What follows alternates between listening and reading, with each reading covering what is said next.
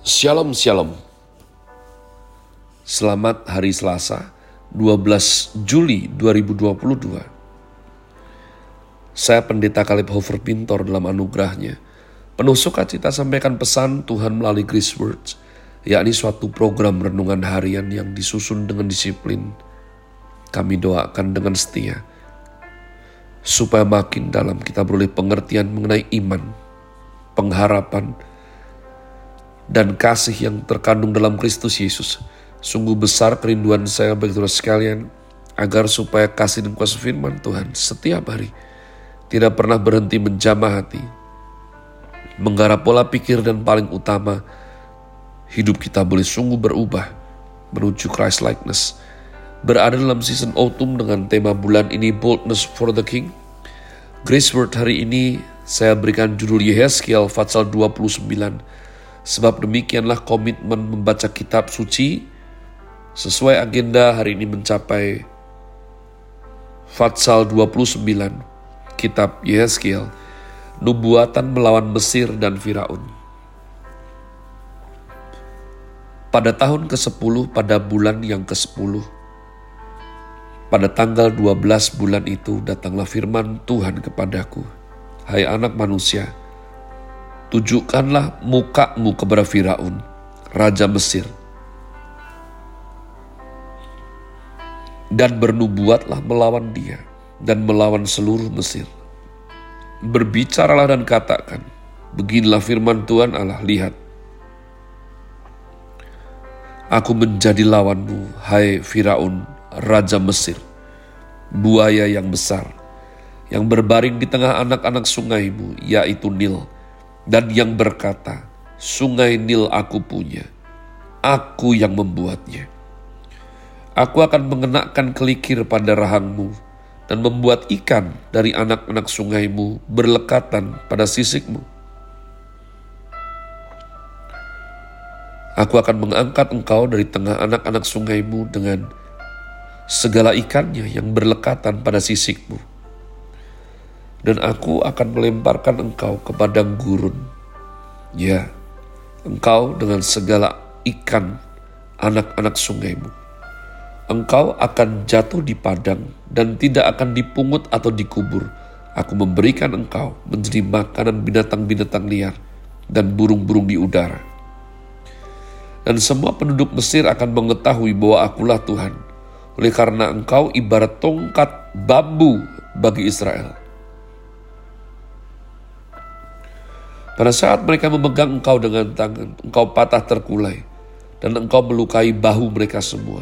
Dan waktu mereka bertopang padamu, engkau patah, dan engkau membuat mereka semua terhuyung-huyung. Oleh sebab itu beginilah firman Tuhan Allah sungguh.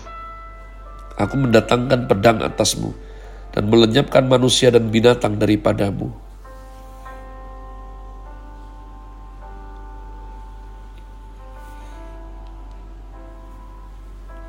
Sehingga tanah Mesir akan menjadi sunyi sepi dan menjadi reruntuhan. Dan mereka akan mengetahui bahwa akulah Tuhan. Oleh karena engkau berkata, sungai Nil aku punya, aku yang membuatnya. Maka sungguh aku menjadi lawanmu dan lawan anak-anak sungaimu. Dan aku akan membuat tanah Mesir menjadi reruntuhan dan menjadi sunyi sepi mulai dari Migdol sampai Siene, bahkan sampai perbatasan tanah Ethiopia. Tidak ada seorang pun, tidak seorang pun manusia, tidak seorang manusia pun akan melintasinya, bahkan seekor binatang pun tidak, dan tanah itu tidak akan didiami selama 40 tahun. Aku akan membuat tanah Mesir menjadi sunyi sepi, di tengah negeri-negeri yang sudah dimusnahkan. Dan kota-kotanya akan menjadi sunyi sepi di tengah kota-kota yang diruntuhkan selama 40 tahun. Aku akan menyerahkan orang Mesir di antara bangsa-bangsa dan menghamburkannya ke semua negeri. Sebab beginilah firman Tuhan Allah.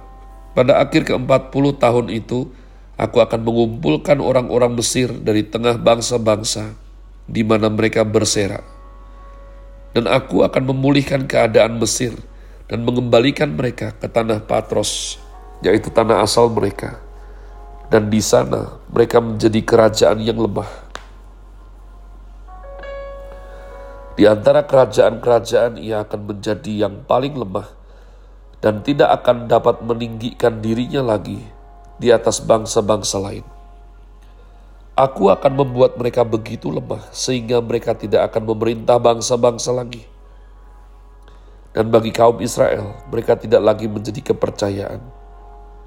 Yang mengingatkan kesalahan Israel, kalau Israel berpaling kepada mereka untuk meminta pertolongan, dan Mesir akan mengetahui bahwa akulah Tuhan. Ayat 17, Mesir menjadi upah Nebukadnezar. Lalu pada tahun ke-27, dalam bulan pertama pada tanggal satu bulan itu datanglah firman Tuhan kepadaku. Hai anak manusia, Nebukadnezar Raja Babel menyuruh tentaranya bekerja keras melawan Tirus. Semua kepala sudah gundul dan semua bahu sudah lecet. Tetapi baik ia maupun tentaranya tidak mendapat untung dari Tirus atas usaha yang dilakukannya melawan dia.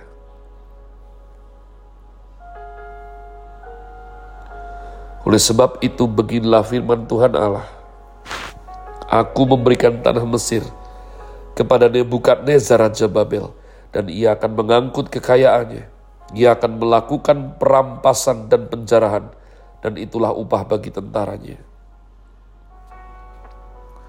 Aku akan memberikan kepadanya tanah Mesir sebagai pahala atas pekerjaan yang dilakukannya, sebab mereka sudah bekerja bagiku. Demikianlah firman Tuhan Allah. Pada hari itu aku akan menumbuhkan tanduk bagi kaum Israel dan membuat engkau dapat berbicara lagi di tengah-tengah mereka. Dan mereka akan mengetahui bahwa akulah Tuhan. Umat Allah, dalam hidup ini kita harus mengerti dunia mengajarkan bahwa kita harus mandiri secepat mungkin, berdikari, ya, berdiri di atas kaki sendiri itu adalah salah satu tanda kedewasaan di dalam dunia ini. Itu tidak ada salahnya. Tapi di dalam kerohanian, Tuhan tidak menginginkan kita menjadi makhluk individual yang berdikari. Tuhan rindu Tuhan Allah menjadi satu-satunya tempat kita bersandar secara hidup rohani ini. Banyak anak Tuhan gagal sebab mereka memisahkan antara sekular, marketplace dengan rohani. Tuhan tidak pernah ajarkan hal tersebut dipisahkan, baik jasmani maupun rohani, marketplace maupun spiritual adalah hal yang jadi satu umat Tuhan. Tuhan tidak mengajarkan bahwa engkau dan aku suci Sabtu Minggu, lalu berbuat apa pun Senin sampai Jumat, seolah-olah tidak ada hukum Tuhan. Maka kitab Yesaya berkata, terkutuklah orang atau manusia, terkutuklah manusia yang mengandalkan manusia. Tuhan rindu kita belajar dan hanya menjadikan Tuhan sebagai tempat satu-satunya sandaran dalam hidup ini. Namun sayangnya sering kali umat Tuhan mencari ilah-ilah lain sebagai sandaran. Yehuda mempunyai sejarah kelam Yerusalem mempunyai sejarah sangat kelam. Mereka mencari ilah bangsa-bangsa lain, termasuk Mesir. Pada waktu Nebukadnezar masuk tanah Israel, Yerusalem, Yehuda. Melalui Yeremia Tuhan sudah katakan, jangan lari. Aku akan memberikan kepadamu hidup. Tapi mereka mempunyai agenda sendiri mereka merasa lebih pintar dari Tuhan. Mereka menjadikan Mesir sebagai sandaran, sebagai pengharapan mereka. Umat Allah Mesir itu menyimpulkan dunia ini. Kalau engkau bersandar pada dunia ini, alangkah kerdil dan dangkalnya. Engkau akan dipermainkan dan engkau tidak akan pernah mendapat jalan keluar yang sesungguh-sungguhnya. Tuhan menggambarkan Mesir sebagai buaya besar yang berbaring di tengah sungai Nil. Raja Mesir dengan begitu takabur, congkak, pongah, dan sombong berkata, Sungai Nil aku punya, aku yang membuatnya. Kata yang diterjemahkan sebagai buaya sesungguhnya adalah tanin. Tanin merupakan makhluk mengerikan dalam pengertian dunia kuno. Muncul di kejadian 1.21 sebagai makhluk yang diciptakan Allah. Walaupun Firaun memegahkan dirinya sebagai Allah, Tuhan menyetakkan diri sebagai lawan Mesir diceritakan dengan mudah mengenakan kelikir pada rahangnya dan menangkapnya serta sekutu-kutunya, sekutu-sekutunya seperti seekor binatang.